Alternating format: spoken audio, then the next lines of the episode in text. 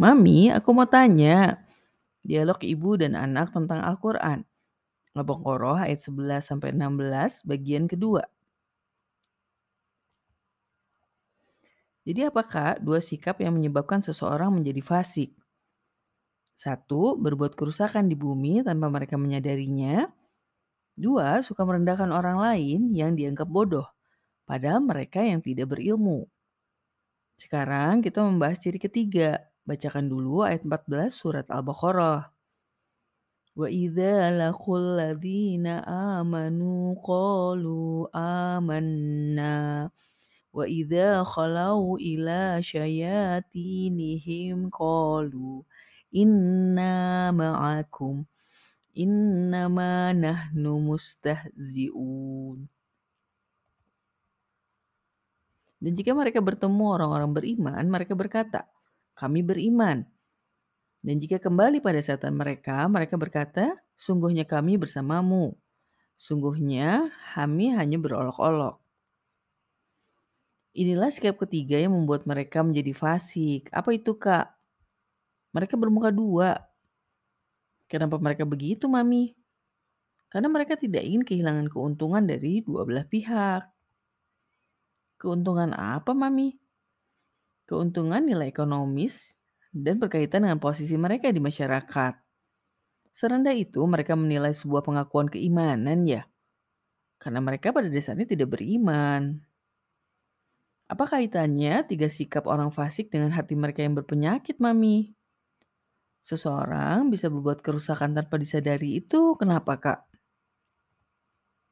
Mereka bukan orang yang sadar diri, bisa mengevaluasi diri. Kebanyakan orang yang seperti itu memiliki penyakit hati apa kira-kira, Kak?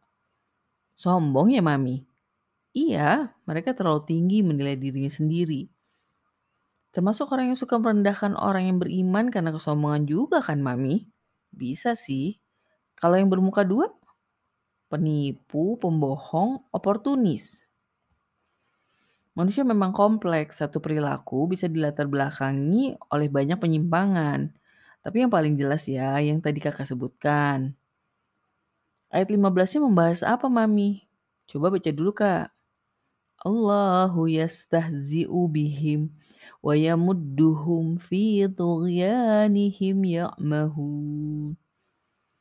Allah Subhanahu wa taala akan memperolok mereka dengan membiarkan mereka dalam kedurhakaan mereka terombang-ambing.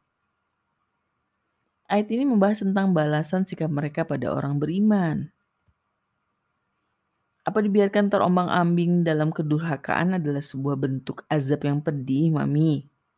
Kalau dikaitkan dengan ayat 10 surat Al-Baqarah bisa disimpulkan begitu. Tapi kita harus menelaah lebih lanjut di ayat selanjutnya.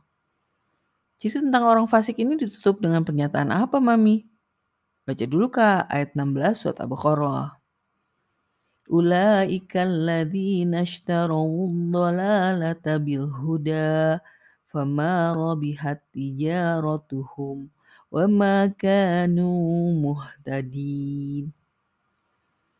Mereka itulah orang-orang yang membeli kesesatan dengan petunjuk.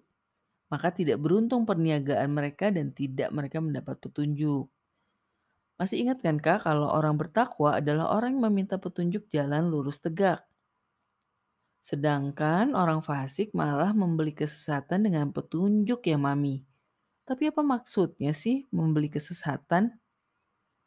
Maksudnya ya apa yang dia lakukan membuat dia kehilangan kesempatan untuk mendapatkan petunjuk. Lalu pada akhirnya, jika dia terus-menerus melakukan perilaku itu, maka dia akan mendapatkan kesesatan.